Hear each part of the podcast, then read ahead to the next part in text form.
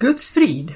Jag heter Gertrud Johansson och idag ska jag fortsätta läsa ur boken Ett lyckligt liv utav Rolf och Lina Wiström och jag fortsätter där i kapitel 17.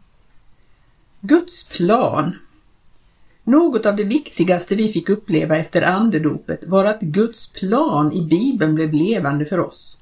Det var som om fjäll hade fallit från våra ögon. Det underbara för oss var att vi upplevde detta gemensamt. Vi var tillsammans på upptäckarfärd i Bibeln. Bibeln följde mig på spårvagnen och under rasterna i skolan och den följde Lina i köket. Hon längtade bara efter att jag skulle komma hem så att hon kunde berätta om vad hon hade funnit. När jag kom låg Bibeln på köksbordet och vi var så ivriga att maten fick vänta. Lina fick något nytt. Jag satt häpen och lyssnade till hennes ord och såg hur det nya växte i henne och gjorde henne fri. Vi inspirerade varandra och det växte något mellan oss som förenade oss på ett djupare sätt än förr. Vi upplevde sanningen av Jesu ord. Var två eller tre är församlade i mitt namn, där är jag mitt ibland dem. Det nya som skedde i vårt liv märktes bäst när vi talade med andra. Vi talade alltid om Guds plan i Bibeln, vi kunde inte tala om annat och vi upplevde hur människor blev lösta av Guds ord. En lärarinna som vi hade känt i många år och som hade varit kristen hela sitt liv satt en dag och begrundade ett bibelord. Hon läste det gång på gång under det att hon förvånad sa Står det verkligen så? Då sanningen äntligen blev klar för henne andades hon djupt och sa Jag känner det som om jag blev lyftad upp på ett högre plan. Det blev hon också från den stunden. Guds plan i Bibeln blev levande för henne. Hon var gripen av bitterhet mot landets fiender sedan hennes broder stupade i kriget. Hon var stolt över sin familj och hon var bunden av det kyrkosamfund hon tillhörde. Vi diskuterade aldrig dogmer eller kyrkosamfund, vi var bara vänner. Men när Guds plan i Bibeln blev levande för henne löstes hon från nationalstolthet, familjehögmod och kristna samfundsmurar. Hennes förvandling var ett under. Guds ande spränger dessa cirklar som binder människorna hårdare än stålband. Hon blev fylld av kärlek, glädje och frid och vittnar alltid om honom som blev hennes livs stora kärlek, Jesus, hennes frälsare och brudgum. Med en annan av våra vänner gick det på samma sätt. Hon hade lyst i denna världen med sin skönhet, sina eleganta kläder och sin förmögenhet. Då Gud mötte henne lämnade hon allt men hon hade inte fått det levande fröet i sitt hjärta, det som spirar och växer. Hennes kristendom var teoretisk och hon kände sig allt mer torr och tom. En kväll var vi tillsammans och läste Guds ord. Medan vi läste gjorde Guds ande det levande för hennes hjärta och nästa dag när hon stod vid sitt fönster och såg ut på gatan fick hon se ett begravningsfölje med en kista åka förbi. Där åker jag, sa hon för sig själv nästan utan att tänka på det. Sanningen om den nya människan i Kristus hade blivit så levande för henne att hon formligen såg för sin inre syn hur den gamla människan nu var död och skulle begravas. Strax därefter sa Guds ande till henne att hon skulle lämna staden och sitt arbete där och istället sköta sin gamla mor som bodde på landet och hade svårt att få hjälp. Den saken hade nog Gud manat henne till förut, men hon hade ingen särskild lust till det då hon ansåg att hennes arbete i staden var mycket viktigare. Hon spelade nämligen en mycket framträdande roll. Men hon lydde Gud. Sjuklig och ovan som hon var måste hon be Gud om kraft varje gång hon skulle hissa vattenhinken upp ur brunnen. Men hennes frid blev större och större. Hon kom på rätt plats i Guds plan. Vi såg förvånade på henne när hon en vinterdag kom på besök. Kinderna var friska och röda över den vita fårskinnspälsen.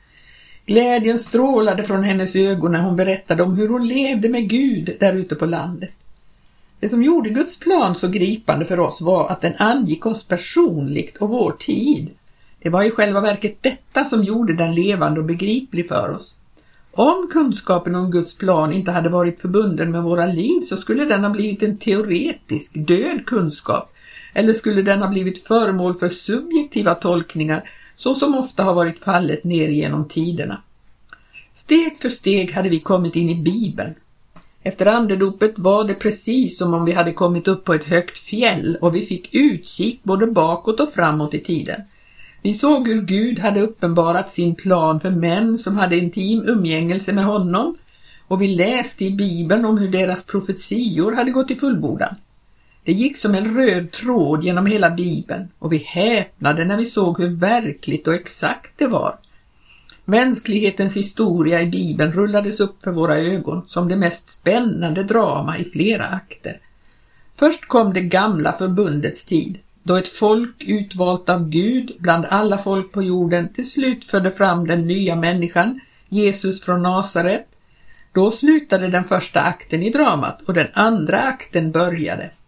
Den nya människotypen bredde ut sig över jorden, Jesu bröder och systrar, Guds barn, födda inte av kött och mans vilja, utan av Gud, skapade en ny gemenskap mellan människor, denna underbara gemenskap som inte känner av klass eller rasskillnad.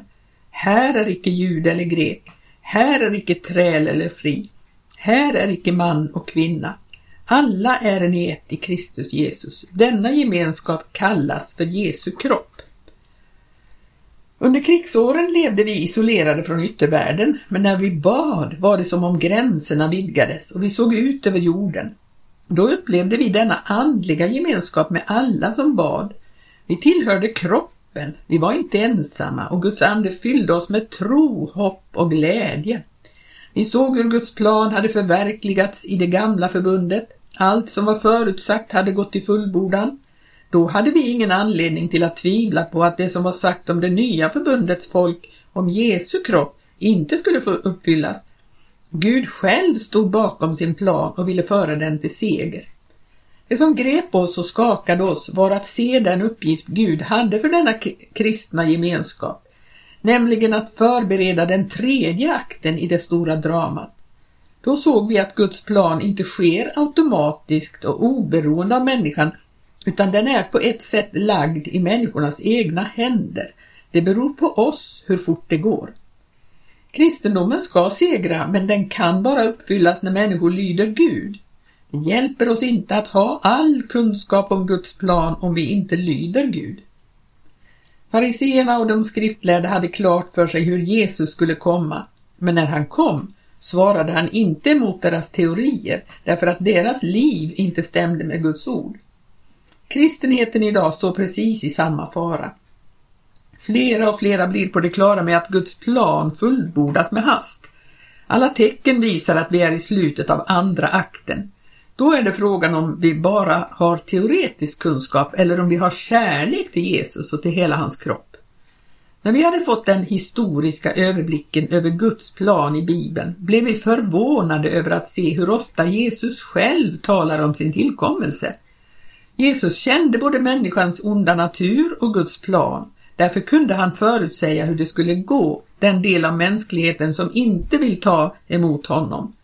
Folk ska resa sig upp mot folk och rike mot rike och därigenom att laglösheten förökas ska kärleken hos de flesta kallna. Det är logiskt att när mänskligheten inte tar emot Jesus kommer de onda krafterna att segra och vår kultur att gå under. Det är detta världen börjar förstå nu. Men medan världens politiker och ledande män arbetar dag och natt för att dämma upp och hindra förstörelsefloden som de innerst inne vet inte går att hindra, bygger Guds ande upp Jesu kropp. Mitt i undergången skapas det liv som ska segra och bestå. Jesus jämför den yttersta tiden med Noa och syndafloden. Noa byggde en ark som skulle bevara livet för några få rättfärdiga Jesu kropp motsvarar denna ark som ska flyta på vågorna i den yttersta onda tiden och sen bli utgångspunkt för en ny epok. Jag hade alltid förr reagerat mot talet om Jesu tillkommelse. Det verkade överspänt och obegripligt för mig. Jag kunde inte föreställa mig hur Jesus skulle komma tillbaka. Men då jag genom Andens kraft fick se Guds plan brydde jag inte min hjärna med att tänka på hur det skulle ske. Jag blev gripen av att det skulle ske. Att det var en fråga om en verklig historisk händelse som skulle vara av ännu större betydelse än Jesu första tillkommelse. Det andra som grep mig var just vad Petrus säger uttryckligt i sitt andra brev 3 och 11. Eftersom allt detta sålunda går till sin upplösning, hurudana bör inte ni då vara i helig vandel och gudsfruktan, medan ni förbidar och påskyndar Guds dags tillkommelse, varigenom himlar skola upplösas av eld och himlakroppar smälta av hetta. Men nya himlar och en ny jord där rättfärdighet bor förbidar vi efter hans löfte. Vi som lever i atombombens tidsålder förvånas över att se hur den helige Ande för 2000 år sedan ingav Petrus ord som han knappast kunde fatta betydelsen av. Men när vi läser dessa ord och ser oss omkring i världen märker vi hur nära vi är uppfyllelsen av de gamla profetiorna. Vi blev mer upptagna av att studera den tillkommande världen, den tredje akten, än den epok som höll på att gå under. Den stora uppfinnaren eh, Marconi ska ha sagt att de största uppfinningarna härefter kommer att bli på det andliga området. Det vill säga att vår materialistiska tidsålder måste avlösas av en andlig tidsålder. Det är denna andliga tidsålder som i Bibeln kallas för den tillkommande världens krafter. Här står vi inför det oerhört intressanta att Jesu kropp har dessa krafter. Det är det som ger den liv. Själva nerven i denna kropp är kärleken. Då vi såg in i den tillkommande världen blev vi lösta från det problem som upptar alla människor i den nuvarande världen, till exempel vilket rike som ska segra över det andra. Det är Guds rike som ska segra och Guds rike är icke av denna världen. Men det finns i den, Guds rike, Jesu kropp. Saliga är de saktmodiga, ty de ska besitta jorden. Saliga är de som är fattiga i anden, till dem hör himmelriket till. Jag hade alltid trott att den tillkommande världen var livet efter döden. Men här talades det om en epok i mänsklighetens historia då Guds ande ska behärska människorna. En ny himmel och en ny jord där rättfärdighet bor. Det fantastiska är att visionen av denna nya tidsålder visade sig redan i gamla förbundets tid hos människor som levde i första akten. Guds plan går genom hela Bibeln från första till sista kapitlet som en röd tråd. De två sista kapitlen i Bibeln, slutet av Johannes uppenbarelse, ger en klar bild av den tillkommande världen i vilken människorna ska leva i fullkomlig harmoni därför att Gud själv bor ibland dem och det är hans folk. När man vet att detta inte är syner och önskedrömmar utan en historisk verklighet som hela Guds plan för övrigt kan man se optimistiskt på framtiden om man är i Guds plan med sitt liv. Kapitel 18 Den smala vägen En sak är att sitta upp om kvällarna och läsa och tala om Guds plan. En annan sak är att vara i den nästa morgon när man har lite tid och det är trångt om utrymmet. Det var ont om bränsle under kriget så hela familjen höll till i det lilla köket där det var varmt. Lina lagade mat, jag skulle raka mig och tre små barn lekte på golvet. Jag klev över ungar och slog emot skåpdörrar medan jag försökte att få av mig skägget. Lina märkte att jag blev lite hastig i rörelserna och tittade på mig. Då sa hon med ett glatt leende, nu tror jag att pappa ska be till Gud. Men pappa hade inte alls lust att be till Gud just då. Jag fortsatte rakningen i all hast. Men det var som om Lina inte begrep hur bråttom jag hade. Med samma glada ljuvliga leende sa hon till barnen, kom nu hit alla rara barn, så ska vi be för pappa så han blir snäll. Hon samlade barnen omkring sig och de knäppte sina händer och bad gode Gud hjälp pappa att böja sig och bli snäll. Sen tittade alla i spänd förväntan på pappa för att se på verkan av deras bön. Först blev jag arg på, för att Lina satte igång en sån scen på morgonen. Hon kunde väl åtminstone ha väntat tills jag hade blivit färdig med rakningen. Men i nästa ögonblick blev jag gripen av Gud. Vad hjälper det med andedop och tungotal och kunskap om Guds plan om man inte böjer sig för Gud i vardagslivet? Och vad hjälper det att fostra sina barn till att bedja till Gud och bli snälla när man själv inte gör det? Då dröjde det inte länge förrän jag kröp ner på mina knän på golvet framför Lina och barnen och bad. Gode Gud, hjälp mig att böja mig och bli snäll. Jag bad Gud om förlåtelse för mitt dåliga humör och Gud fyllde mitt hjärta med glädje och tacksamhet. Medan jag låg där kände jag en hand på mitt huvud. Det var den äldste pojken, som med djup förståelse för stundens allvar sade Allt är dig förlåtet, pappa. Vi hade nämligen alltid starkt betonat hur viktigt det var att om någon bad om förlåtelse så skulle han också få det. Samtidigt med att pojken la handen på mitt huvud kände jag en annan hand som gav mig ett lätt slag i den, i den andra änden. Det var lilla Ella på tre år.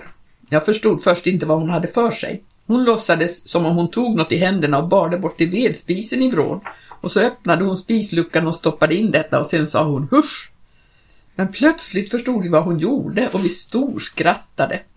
Det var nämligen så att när de små barnen var elaka brukade Lina säga att de hade något ont i kroppen. Och då gav hon dem ett lätt slag på stjärten och för att de riktigt skulle förstå att det onda var borta så stoppade hon in det i spisen så att det skulle, kunde brinna upp. Nu ville lilla Ella vara alldeles säker på att det onda kom ordentligt ut ur kroppen på mig. Därför var hon så ivrig att få in det i spisen. På detta sättet hjälptes hela familjen åt med att omvända syndaren och det blev stor glädje i det huset den morgonen. Vi hade trott att andens dop var avslutningen på den kristna skoltiden, själva examensfesten, så att säga. Därefter tänkte vi att livet skulle gestalta sig som en slags helgonliknande tillvaro. Guds ord och vår egen erfarenhet lärde emellertid något annat. Andens dop är en erfarenhet av Guds kraft men hur stor betydelse denna erfarenhet än hade för oss var den ingen garanti för att komma in i himmelriket. Vi fick uppleva att den smala vägen vi en gång hade kommit in på fortfarande var smal. Jesus talar mycket klart om den i slutet av sin bergspredikan. Icke kommer var och en in i himmelriket som säger till mig Herre, Herre, utan den som gör min himmelske faders vilja. Många ska på den dagen säga till mig, Herre, Herre, har vi inte profeterat i ditt namn och genom ditt namn drivit ut onda andar och genom ditt namn gjort många kraftgärningar? Men då ska jag betyga för dem, jag har aldrig känt eder, gå bort ifrån mig, ni ogärningsmän. Med dessa skarpa ord slår Jesus fast att det enda sättet att komma in i himmelriket är att göra Guds vilja. Att Jesus här talar sanning visar oss livet med all önskvärd tydlighet. Den kristendom som inte går den smala vägen faller förr eller senare i diket. Jag glömmer aldrig hur jag slet på den smala vägen i början, snavade och föll och försökte om igen och stapplade vidare och gjorde fel på fel, bad om förlåtelse om igen och om igen och längtade efter att det en gång skulle ta slut.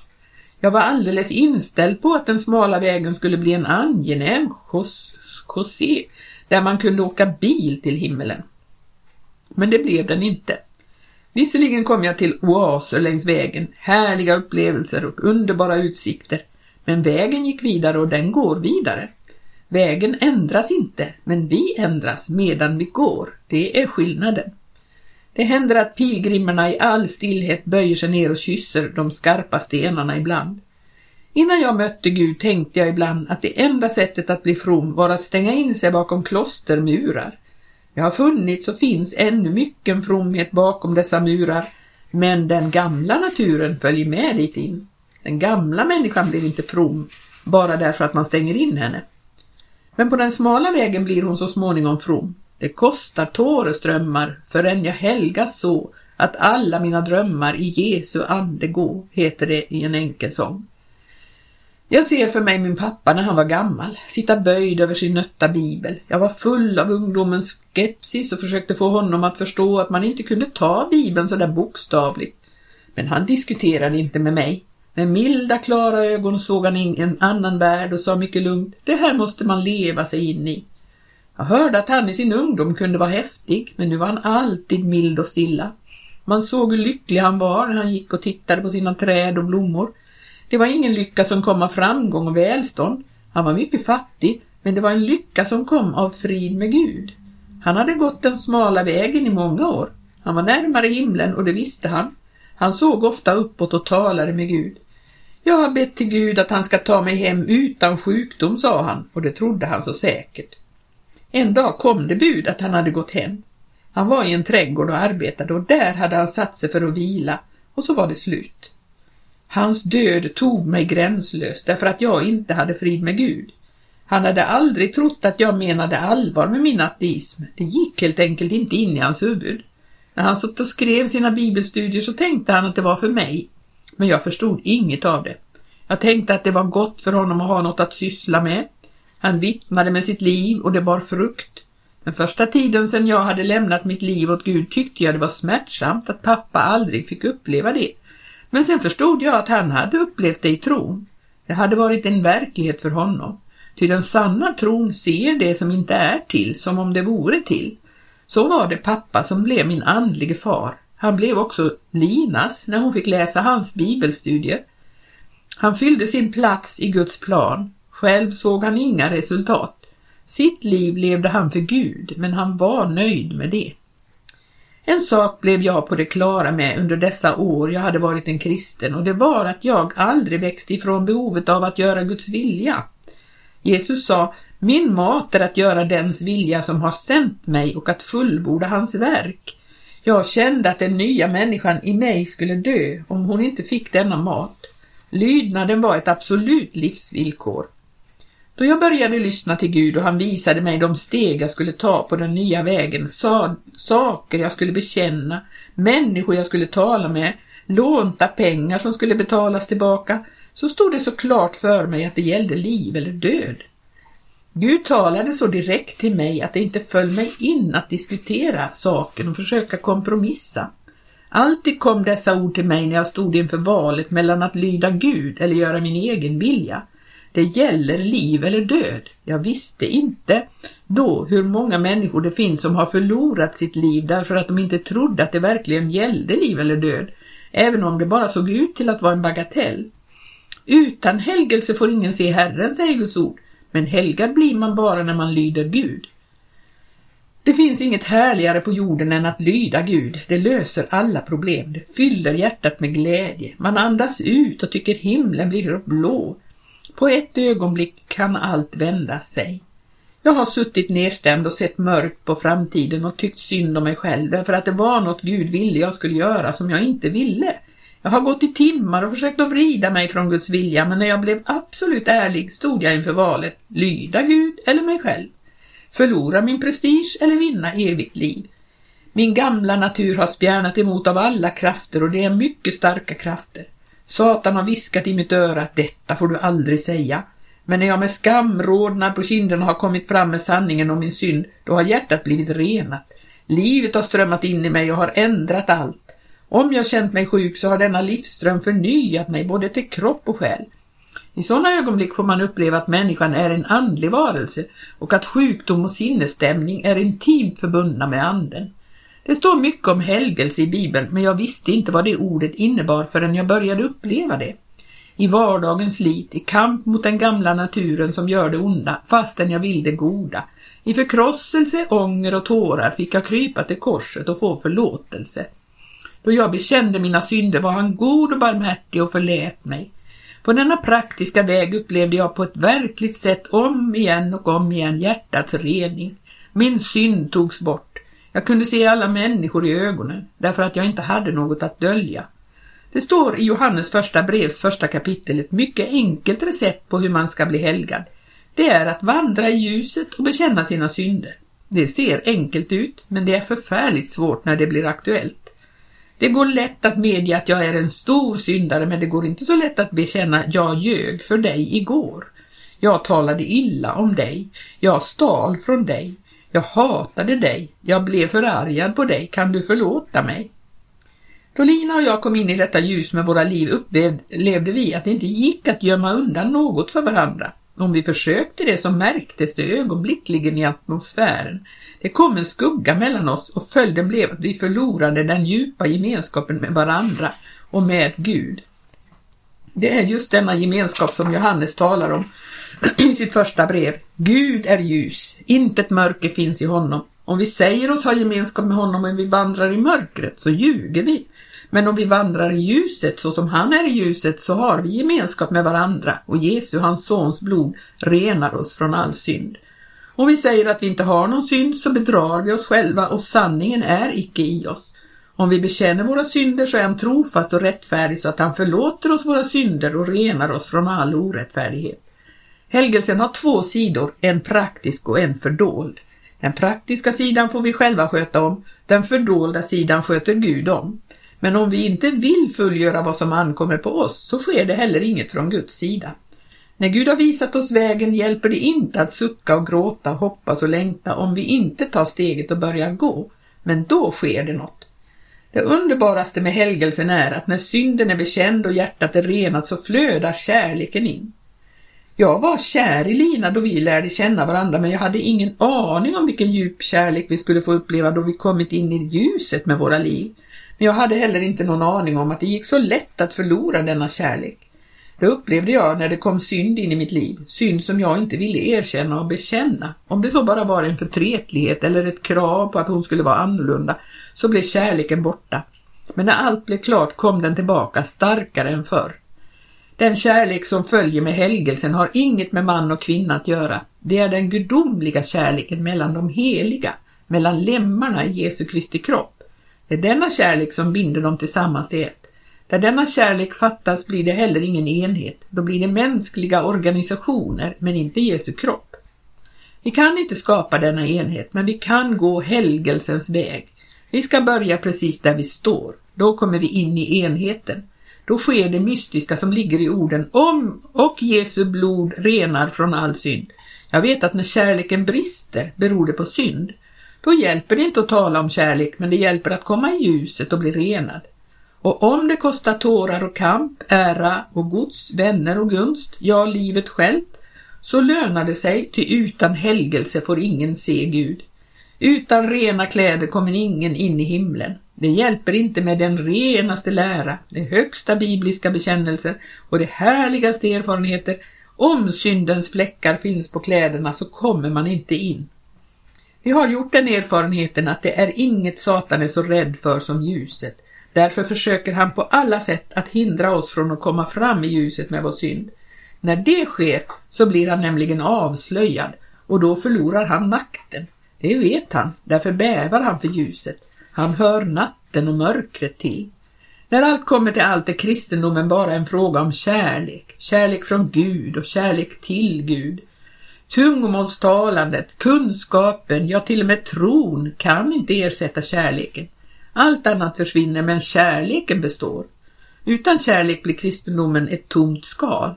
Jesus jämförde en sådan religion med en vitmenade gravar. Om man kommer för nära känner man liklukten. Den verkliga synden är brist på kärlek. Då fattas Gud själv, för Gud är kärleken. Jag satt för några år sedan i mitt hem för mig själv. Det var ett eller annat som stängde mig och kom alla mina tankar och kretsa omkring mig själv. Då kom lilla Inger Johanne in. Hon liknade en liten fågelunge som skulle fladdra in i boet, in i pappas armar. Men i min självupptagenhet så såg jag framför mig, utan att lägga så mycket märke till henne. Då stannade hon mitt på golvet och gick några steg tillbaka. Det var precis som om den kyla jag utstrålade drev henne bort. Då såg jag på henne och log och öppnade famnen och strax låg hon där. Pappa, sa hon, jag blev så rädd. Du såg ut som en död man i ansiktet. Hur kunde hon veta hur en död man såg ut? Hon hade aldrig sett någon. Det skakade mig att höra sanningen från det lilla barnets mun. Utan kärlek var jag död. Där stannar vi för den här dagen och så fortsätter vi att läsa nästa vecka i den här boken Ett lyckligt liv av Rolf och Lina Biström. Gud välsigne dig som har lyssnat på återhörande.